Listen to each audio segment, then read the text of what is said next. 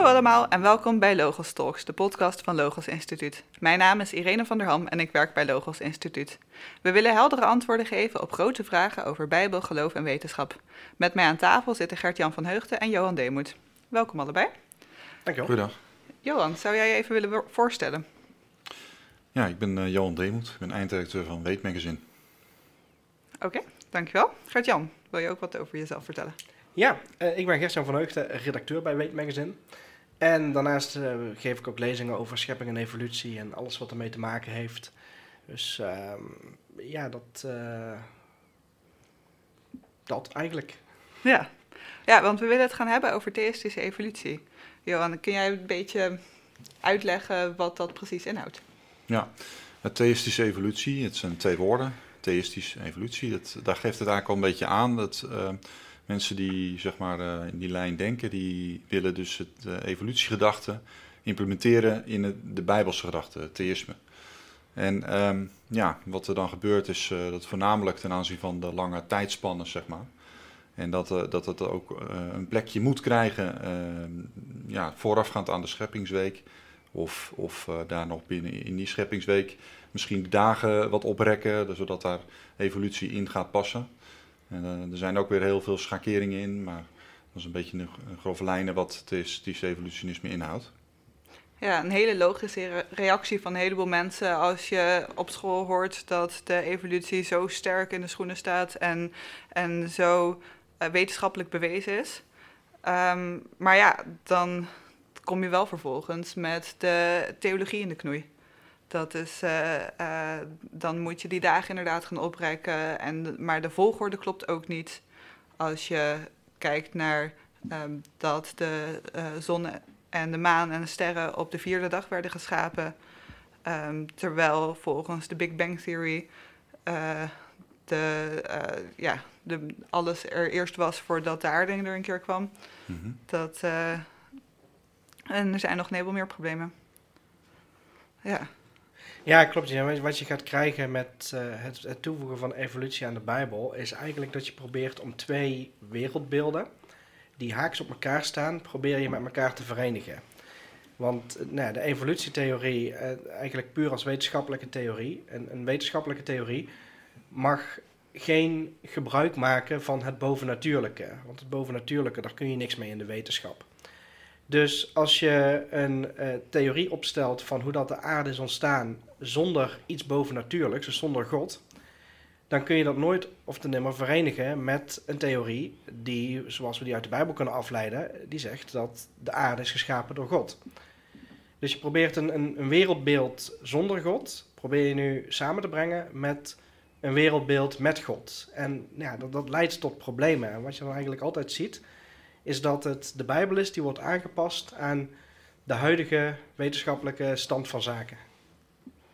Ja, want waarom staat die wetenschap eigenlijk helemaal niet zo sterk als dat, we, uh, als dat wordt voorgesteld, wat dat betreft? Kunnen we dan wetenschap niet meer vertrouwen? Nou, sowieso kun je wetenschap uh, ja, aan de ene kant altijd vertrouwen, aan de andere kant nooit vertrouwen. Want wetenschap blijft natuurlijk gewoon mensenwerk. Maar je hebt in de wetenschap kun je, moet je eigenlijk een onderscheid maken tussen experimentele wetenschap en historische wetenschap. En experimentele wetenschap, dat is, het speelt zich af in het hier en nu. Uh, de wetenschap die je doet speelt zich af in het hier en nu. En het onderwerp dat je bestudeert speelt zich af in het hier en nu. Uh, dus bijvoorbeeld, ik heb scheikunde gestudeerd, jij biologie, Irene. Uh, dat zijn allemaal dingen die zich in het hier en nu afspelen. Dus dat zou experimentele wetenschap doen. Je kunt experimenten doen. Maar als het gaat over dingen die in het verleden zijn gebeurd, uh, archeologie, geschiedenis, geologie, al dat soort dingen, het ontstaan van de wereld, dat zijn allemaal dingen die in het verleden zich hebben afgespeeld. Maar het onderzoek wat je doet is nog steeds in het heden. Dus die historische wetenschap, je kunt niet teruggaan in de tijd om te zien hoe dat het daar eraan toe ging.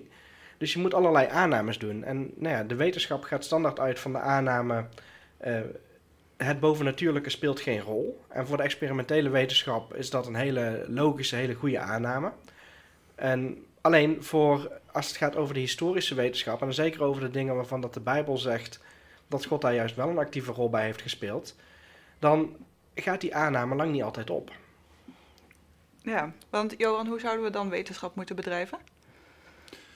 Ja, je kunt uh, wetenschap bedrijven uh, vanuit die, dat wereldbeeld, zeg maar, dat je er duidelijk een keuze voor maakt. En dan naar de wereld om je heen kijkt. Dus in het geval van als je uh, een, zegt een theïst te zijn, dan dat je dan ook de Bijbel echt voor 100% als Gods woord aanneemt. En dat daar ook echt historische feiten in genoemd zijn. En dingen die echt gebeurd zijn. Uh, ook staan er heus wel wat, uh, natuurlijk wat poëtische teksten in en zo. Maar dan, wordt, dan, moet, dan maakt de context vaak al heel duidelijk dat het hier om poëzie gaat. En daar waar de context het niet duidelijk maakt, dat je dan gewoon laat staan. Dat je dan gewoon zegt van ja, ik kan het niet anders interpreteren dan dat je het letterlijk zo op moet vatten. Um, daarnaast denk ik dat het belangrijk is dat je ook kijkt naar wat de Jezus zelf uh, zegt en heeft gezegd. Uh, wat moet Jezus doen, zoals de evangelisten dat nog wel eens uh, benadrukken. nou, wat heeft de Heer Jezus zelf gezegd over um, de, de schepping? En dan denk ik aan, ik heb dat even opgezocht, Marcus 10, vers 6. Daar zegt de Heer Jezus dat God de mens vanaf het begin van de schepping mannelijk en vrouwelijk heeft gemaakt. Dus dat koppelt de Heer Jezus dus het, het, moment vanaf het begin van de schepping heel, helemaal aan de schepping van de mens. Dus er is geen tijd om uh, zeg maar een evolutie van miljoenen jaren te laten plaatsvinden. En in Lucas 11, vers 50, daar staat uh, dat de Heer Jezus zegt dat uh, het bloed van alle profeten sinds de grondlegging van de wereld is vergoten. Dus ook de hele geschiedenis van de mensheid start bij de grondlegging van de wereld. Dat is de Heer Jezus die het zelf zegt. Dus ja, wie zijn wij om dat te weerspreken? Ja. ja, en wat je natuurlijk ook nog hebt, is dat in uh, de tien geboden, Exodus 20, daar staat ook dat God zegt: Je mag zes dagen werken en één dag moet je rusten. Want in zes dagen heeft de Heer uw God de hemel en de aarde gemaakt en de zee en al wat erin is. Dus eh, die tien geboden, die, die, tekst die ik zojuist citeerde, Exodus 20, vers 11, die kom je ook nog een keertje tegen in Exodus 31, Exodus 31, vers 17. En Exodus 31, vers 18, het volgende vers, daar staat dat God dit allemaal met zijn eigen vinger in de stenen tafel heeft geschreven. En nou ja, een van de tien geboden is natuurlijk, je mag geen vals getuigenis afleggen. Dus als God zegt dat hij in zes dagen de wereld heeft gemaakt, en, en God zegt ook, je mag geen vals getuigenis afleggen, God kan zichzelf niet tegenspreken. Uh, God kan ook niet liegen. Uh, dat staat ook ergens in uh, Numeria in mijn hoofd. Uh, zou ik even op moeten zoeken. Maar dat God dit zegt en dat God het met zijn eigen vinger, eigenhandig heeft opgeschreven, geeft aan dat we dit ook echt wel als een serieuze tekst moeten zien. Uh, ook Genesis 1 als een serieuze verslag van de schepping, van de geschiedenis. Maar zou het geen beeldspraak kunnen zijn? Zoals dat we het hebben over zonsopgang en zonsondergang, terwijl we weten dat de aarde om zijn as draait? daar laat de tekst geen ruimte voor dat het beeldspraak is. Uh, er staan ongetwijfeld zijn er wat dingen die wat moeilijk te verklaren zijn. Het water boven de hemel, het water onder de hemel op de tweede scheppingsdag. Maar je kunt niet zeggen van dit is een hele passage van een schepping in zes dagen en dat moeten we zien als zijnde het is een langdurig evolutieproces. Die, die twee die staan zo met elkaar op gespannen voet, dat, dat kun je niet met elkaar in overeenstemming brengen. En ook wat jij al zei, de volgorde klopt niet.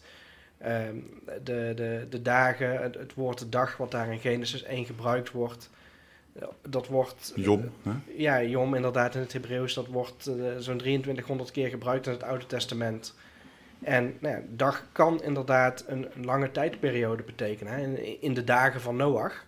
Dat, dat gaat niet om letterlijke dagen, dat ging gewoon om de levensdagen van Noach, in de tijd van Noach. Maar als het woord dag in combinatie met avond en ochtend, hè, het werd avond en het werd ochtend, de zoveelste dag. Het woord dag in combinatie met een getal, het woord dag in combinatie met nacht.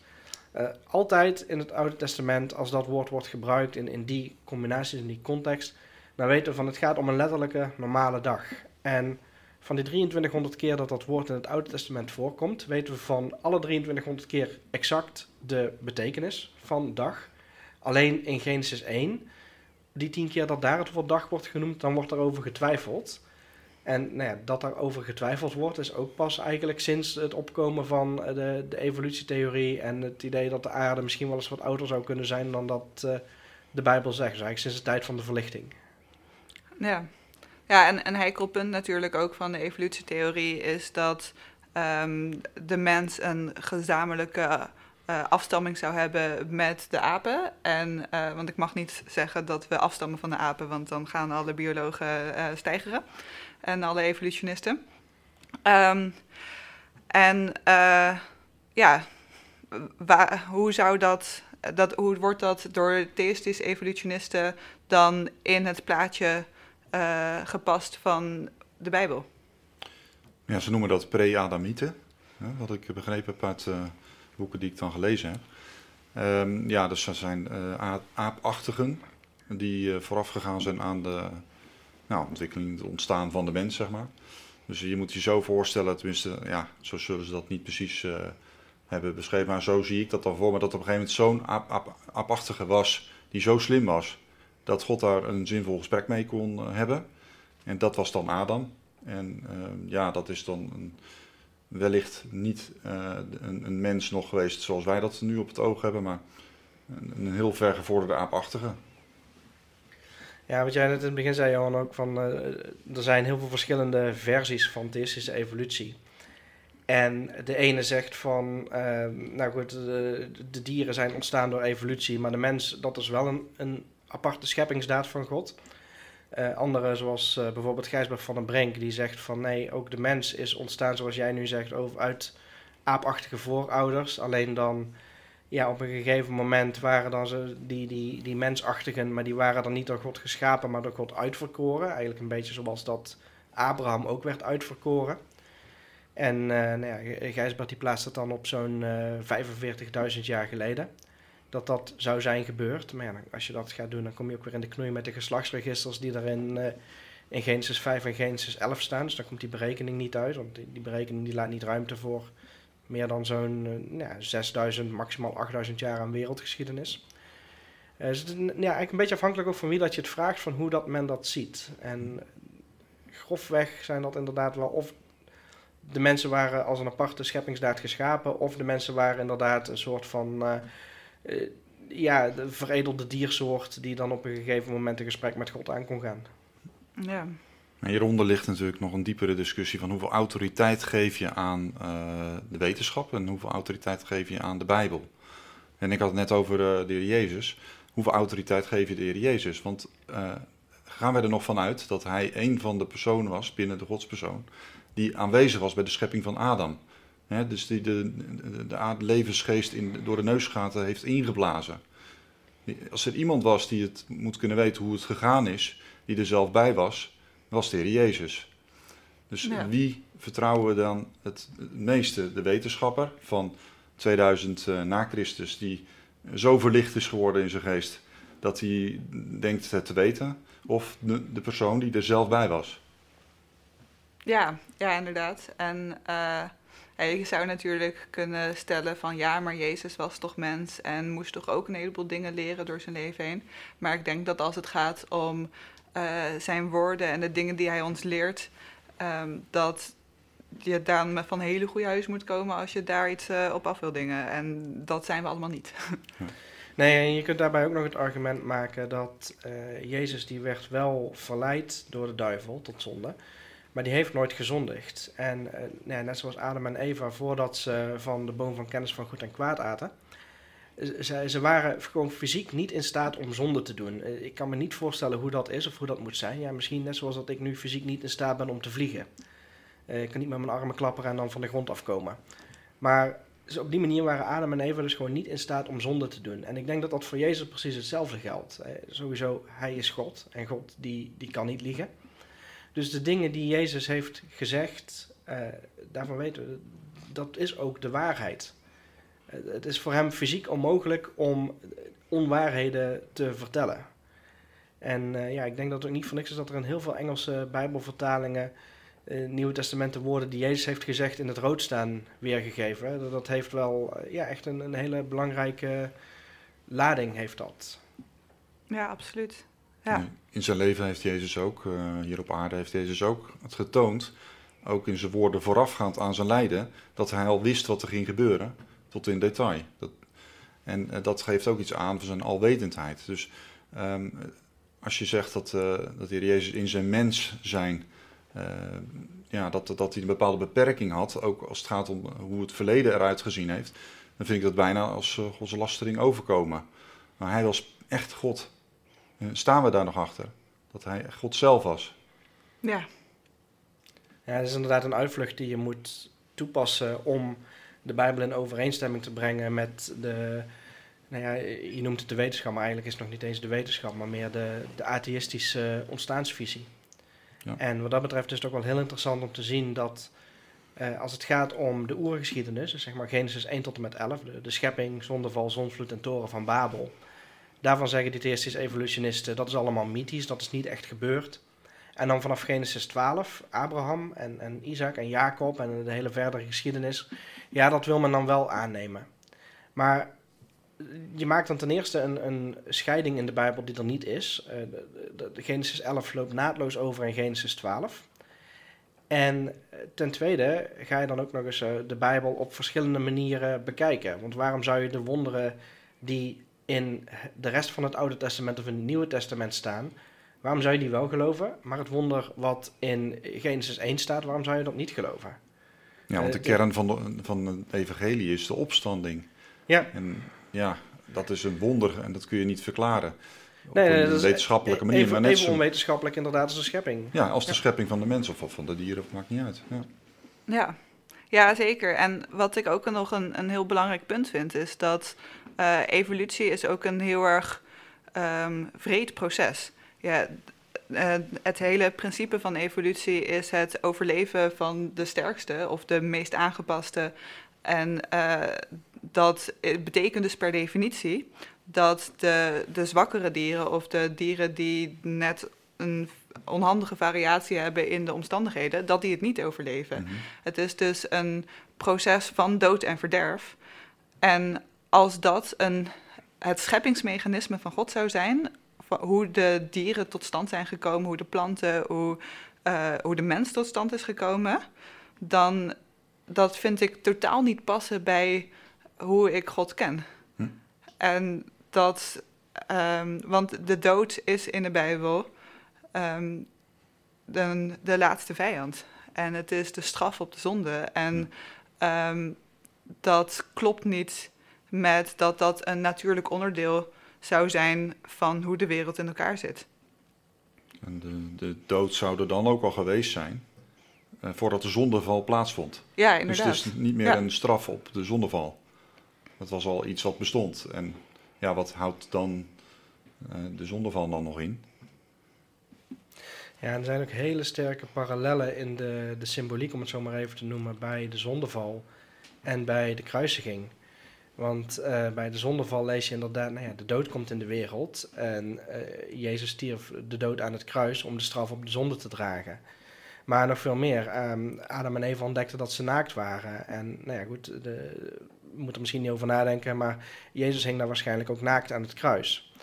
Uh, dat was de gebruikelijke manier in die tijd bij de Romeinen. Dus dat zo'n onderkleed, daar werd ook om gedobbeld, dus dat had hij niet meer aan. Hm. Uh, wat nog meer, dorens en distels lees je bij de zondeval die opkomen. En Jezus die kreeg een, kroon van dorens. in Deuteronomium 21, 22 staat dat de, iemand die aan een, aan een boom hangt, dat dat een vervloekte is tussen hemel en aarde. Nou ja, bij de zondeval lees je ook dat God een vloek uitspreekt over de aarde. Dus al die, die, die terminologie en al die symboliek die je daar ziet bij de zondeval, dat komt ook allemaal stuk voor stuk terug bij de kruisiging. En eh, voor mij geeft het ook wel aan van dat die parallellen zo enorm sterk zijn tussen de kruisiging en de zondeval.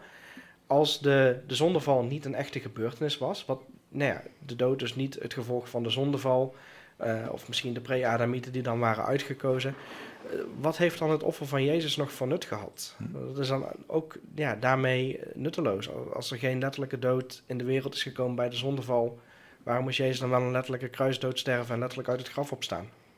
Ja.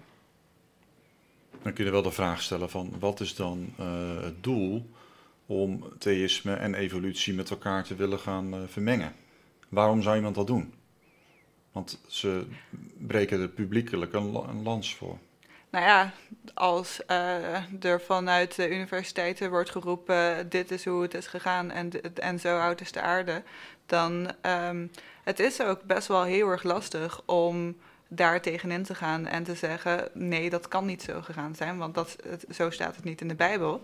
En hoe verklaar je dan uh, wat er in de wetenschap gevonden wordt? Hoe verklaar je dan de variatie in soorten? en uh, de dateringen van de radiometrie en andere dingen. Er zijn ook best wel goede argumenten vanuit de wetenschap, in elk geval als je oppervlakkig kijkt. Ja, klopt. Wat daarbij denk ik ook een hele grote rol speelt, is dat heel veel mensen die krijgen alleen maar uh, dat ene nou ja, wetenschappelijke, atheïstisch wetenschappelijke beeld voorgeschoteld. Dat is het enige wat onderwezen wordt in, in uh, scholen en universiteiten doorgaans. En als je de wetenschappelijke argumenten wilt zien die juist, nou ja, dat dingen als radiometrische datering of uh, soortvorming, aardlagen, als je dat allemaal wil verklaren vanuit een bijbels perspectief op een wetenschappelijke manier, dan zul je zelf de materialen daarvoor moeten vinden. Dan zul je zelf even naar uh, www.logos.nl moeten gaan of, of dat soort uh, sites. Um, en juist doordat heel veel mensen dat dat het enige is wat in de wetenschap wordt genoemd. Het enige is wat, wat wetenschappelijk gezien als verklaring mag worden aangedragen, die evolutietheorie. Dat is denk ik voor heel veel mensen ook wel een, een, een, een argument van, nou ja, zie, zie je, dat is het enige wat in de wetenschap is. Alle wetenschappers geloven in evolutie. En die mensen zijn veel slimmer dan wij, dus laten wij dan maar geloven wat zij zeggen. En op die manier zijn er ook heel veel theologen eigenlijk een beetje omgegaan van, nou, vroeger geloofde men wat in de Bijbel stond, maar nu vandaag de dag gelooft men in de evolutietheorie omdat de wetenschappers het zeggen. En daarbij is er ook een misverstand, denk ik, dat uh, uh, men denkt dat echt een, een hele grote groep, uh, eigenlijk dat je met een één ding bent, als je zegt dat Darwinisme dat dat geen um, proces is wat echt heeft plaatsgevonden. Ja, dan, er zijn bijvoorbeeld, als je kijkt naar Descent from Darwinism, heet dat geloof ik, die website. Dan heb je een, 2000 wetenschappers die publiekelijk aangeven dat ze dat niet meer als een scheppingstheorie, noem maar even, als een, als een ontstaanstheorie hoog hebben staan. Maar dat ze op zoek zijn naar iets anders, omdat eigenlijk Darwinisme bijna ja, een soort failliet is in hun ogen. Dat er ook een wetenschappelijk te onderbouwen is. En wij zelf met Weet Magazine zijn al ruim tien jaar nu bezig. En um, hoeven helemaal niet echt diep te graven om jou iedere keer weer interessante onderwerpen te vinden. Ook vanuit wetenschap onderbouwd. Om juist te laten passen in een bijbelse context. Ja, want wat voor wetenschappelijke uh, voorbeelden kunnen we noemen van waarin de, het scheppingsparadigma, om het maar zo te noemen, uh, een veel betere verklaring geeft voor wat we zien dan uh, uh, de Big Bang Theory en het evolutieverhaal. Ja, hoe lang heb je? nee, er zijn echt superveel voorbeelden. En een van de dingen is dat een wetenschappelijke theorie, daarvan kun je zeggen van die is, dat is een goede theorie als die goede voorspellingen kan doen. En keer op keer blijkt dat de voorspellingen die worden gedaan vanuit het evolutiemodel dat die niet uitkomen. En voorspellingen juist op basis van het scheppingsmodel wel. En waar moet je dan bijvoorbeeld aan denken? Nou, ik heb een uh, poos terug heb ik een boek geschreven over de ouderdom van de aarde. En, er zijn een heleboel uh, manieren om de ouderdom van de aarde te bepalen. En de meest gangbare daarvan is radiodatering, waarbij dat je kijkt naar bepaalde radioactieve elementen en dan de verhouding daarvan in gesteente. En op basis daarvan ga je uitrekenen hoe oud dat stuk gesteente is. Maar er zijn ook een heleboel andere manieren om ook de ouderdom van de aarde te berekenen. Door bijvoorbeeld te kijken naar de sterkte van het magnetisch veld, of door te kijken naar hoeveel zout zit er in de zeeën. Door te kijken naar hoe snel gaat erosie, hoe snel slijten de continenten af. En als je dan naar al die verschillende methoden gaat kijken, dan blijkt dat er een veel lagere maximale ouderdom van de aarde is dan dat uit die radiodatering volgt. En uh, nou, bijvoorbeeld met dat magnetisch veld van de aarde, dan meten we gewoon het wordt steeds zwakker. Dat betekent dat het naar het verleden toe steeds sterker was. En dat, bepaalt, dat heeft een bepaalde maximum ouderdom wat je daarmee kunt uitrekenen. Dat heeft ermee te maken hoe dat het magnetisch veld wordt opgewekt door het draaien van gesmolten metaal rondom de aardkern. En een sterk magnetisch veld betekent dat die, die aardkern sneller draait. Maar op een gegeven moment, als je iets heel snel laat draaien, dan geeft dat wrijvingswarmte. En minder dan 20.000 jaar geleden zou die wrijvingswarmte als gevolg van dat sterkere magnetisch veld zou zo sterk zijn geweest dat er geen leven op aarde mogelijk was. Dat de aarde gewoon één grote gesmolten bal gesteente was. Dus, uh, nou ja, dus één, één klein voorbeeldje dan, waaruit blijkt van dit soort berekeningen, dit soort waarnemingen, die passen veel beter binnen een bijbelse context van eh, in dit geval dan een jonge aarde, maar ook als je het hebt over afzonderlijk geschapen soorten. Er zijn geen overgangsfossielen, tenminste geen onbetwiste overgangsfossielen. Ehm, ook als het gaat over de ouderdom van de, de planeten in het heelal, in het zonnestelsel, uh, sterren, al dat soort dingen. Eigenlijk alles wat we waarnemen kan beter verklaard worden. Nou, ik zal niet helemaal al zeggen, bijna alles wat we waarnemen kan beter verklaard worden met zo'n scheppingsmodel als met een evolutiemodel. En denk ook aan de complexiteit die uh, tegengekomen steeds meer uh, wordt gezien door verbeteringen in uh, nou, microscopische technieken, zeg maar. En ja, als je kijkt naar de complexiteit in een cel, dan zijn de afgelopen decennia zijn er ook veel meer inzicht in gekomen. Dat daar complete machientjes actief zijn op nanogrootte, die de, ja, wijze van spreken dat er dingen gebeuren die de snelste PC's tegenwoordig nog niet eens kunnen bereiken in een, één zo'n cel. En we hebben van al die cellen, we miljarden in ons lichaam zitten. Dus dat is zo ja, ongelooflijk dat je eigenlijk wel geloof nodig hebt om het te kunnen bevatten. Ja, dat is ook een van de dingen uh, die ik in mijn biologiestudie um, ja, elke keer weer terugzag. Dat het zo complex en zo mooi in elkaar zit. Dat, uh, ja, dat was eigenlijk elke keer alleen maar een versterking van mijn geloof. In plaats van Um, dat ja, biologie studeren was natuurlijk ook wel af en toe echt lastig en een uitdaging van oké, um, dit klinkt best logisch wat ze zeggen over natuurlijke selectie en, uh, en, en, mutaties en zo. En dan uh, ja, heb ik wel echt um, uh, ja, Weetmagazine en Logos en, en nog andere van zulke bronnen nodig gehad om daarin toch overeind te kunnen blijven staan. Maar die die complexiteit, het, het zit zo goed in elkaar. En dat zijn mechanismen die niet vanzelf tot stand kunnen komen via, de, uh, via natuurlijke selectie en mutaties, omdat het uh, heel vaak zulke complexe systemen zijn dat als er één onderdeel ontbreekt, mm -hmm. dat het hele systeem niet werkt. Ja. En dat die, uh, ja, dat, dat je dat dus nooit een geleidelijke overgang kan hebben naar zo'n systeem, omdat je er niks aan hebt om een niet werkend systeem te hebben.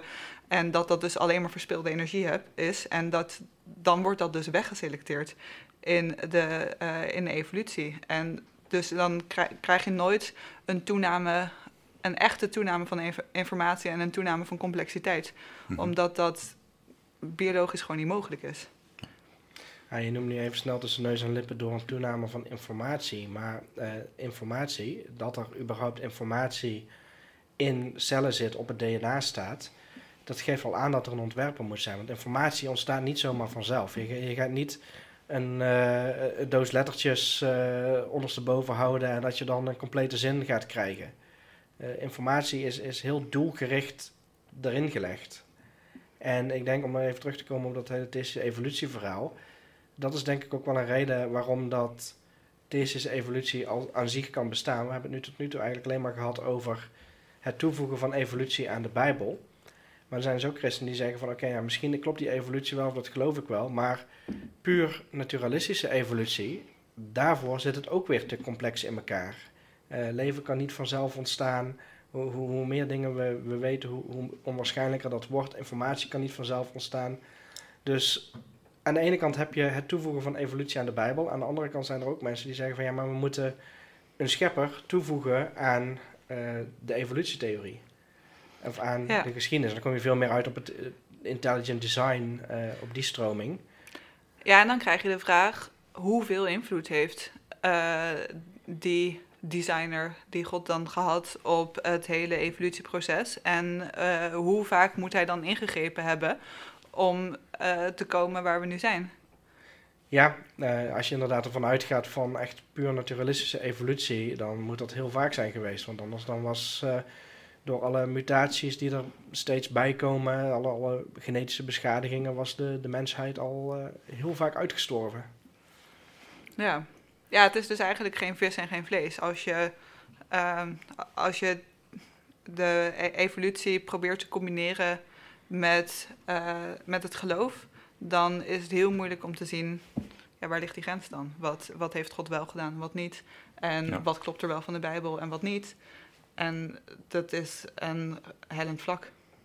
Ja, en het is compleet natte vingerwerk. Want je, kunt, je gaat zelf uitkiezen van welke stukjes wetenschap en welke stukjes uh, van de Bijbel. Uh, een, een, beetje van jezelf en een beetje van. Uh, nou ja, goed, je kent misschien de, de slogan van de reclame. ik weet niet of ik hier reclame mag maken. Maar de, je hebt de, die, dat hele cherrypicking. Je, je, je, kiest de krenten uit de pap en daar maak je je eigen theorie van. Je maakt als het ware je eigen godsbeeld. En ik heb in het verleden theïstische evolutie ook wel eens vergeleken met afgoderij. En ik, ik denk dat die uitspraak nog steeds staat. Dat je, je maakt een eigen godsbeeld, je maakt een eigen god en die ga je aanbidden. En of dat, dat nu een gouden kalf is of dat het nu een god van evolutie is, het is allebei even fout. Ja. En als je iets laat rollen, dat, meestal blijft dat alleen maar doorrollen. Weet je, als je helemaal begint aan iets kleins te tornen van wat er in de schrift staat, dat nou ja, iets kleins en over in, in, uh, dat is natuurlijk niet klein, maar dan, dan wat hou je uiteindelijk aan het eind van je leven dan nog over? Een bekend voorbeeld is professor uh, Harry Kuitert, die ook in het begin van de jaren 60 geloof ik uh, begon te, tornen aan, aan de schepping. Nou, er was er een dominee die hem toen de tijd op aansprak. Van, joh, je houdt op een gegeven moment hou je ook helemaal niks meer over als het gaat om de verlossing. Alleen de verlossing dankbaarheid, de hele, alles, de hele bijbelse boodschap gaat onderuit. Er was er een journalist van het Reformatorisch Dagblad, een jaar voordat de man overleed, die hem vroeg van, is dat zo? Heeft u, wat heeft u uiteindelijk overgehouden? En moest hij toch beamen dat hij ja, niets heeft overgehouden van de Bijbelse boodschap. Dat alles onderuit is gegaan. Door te beginnen bij het tornen aan de schepping. Ja. Ja, ik vind het ook heel ernstig dat er zoveel uh, predikanten en theologen zijn die juist vast moeten blijven houden aan de waarheid van de Bijbel. Dat die zich genoodzaakt zien om, uh, om evolutie in het verhaal te proppen. En dat dat uh, ja, dan, dan, dan kom je op dat hellend vlak en dan, dan blijft er inderdaad niks meer over. Hm. En daarom vind ik het heel belangrijk om uh, die andere kant te laten zien, dat het ook wetenschappelijk niet hoeft. Je hoeft niet um, die evolutie uh, aan te blijven hangen, omdat dat ook wetenschappelijk helemaal niet zo sterk staat. Nou, ook naar de toekomst toe, de jonge generatie. Uh, als je nu naar de wereld om je heen kijkt, hoeveel is er al aan het verschuiven, aan het bewegen? Mensen hebben behoefte aan duidelijkheid en aan een fundament. En in de kerk, aan de ene kant wordt er gezegd, het fundament is Christus. Dan kom ik toch weer een beetje terug op de woorden van de Heer Jezus. Geloven wij nog dat wat hij zei, dat hij daar ook echt zo verstond, dat hij alwetend was, is, dat, dat hij God zelf is, dat hij bij de schepping van de mens uh, aanwezig was. Als je, als je daar door genade hoor, want het is echt niet vanuit de mens bekeken dat je dat zelf maar kan, zo kan uh, beamen. Maar als je daar door overtuigd wordt geraakt, dat je, dat, dat echt houvast heeft in je leven. Ook naar de toekomst toe. Ja. Ja, en ik denk dat dat ook mooi is om mee af te sluiten. Dat, het, uh, ja, dat, dat we op God mogen blijven vertrouwen en op zijn woord. En dat wat hij zegt waar is. Dank jullie wel voor dit uh, interessante gesprek. Graag gedaan. Graag gedaan. U heeft geluisterd naar Logos Talks, de podcast van Logos Instituut. Ga voor meer informatie naar logos.nl.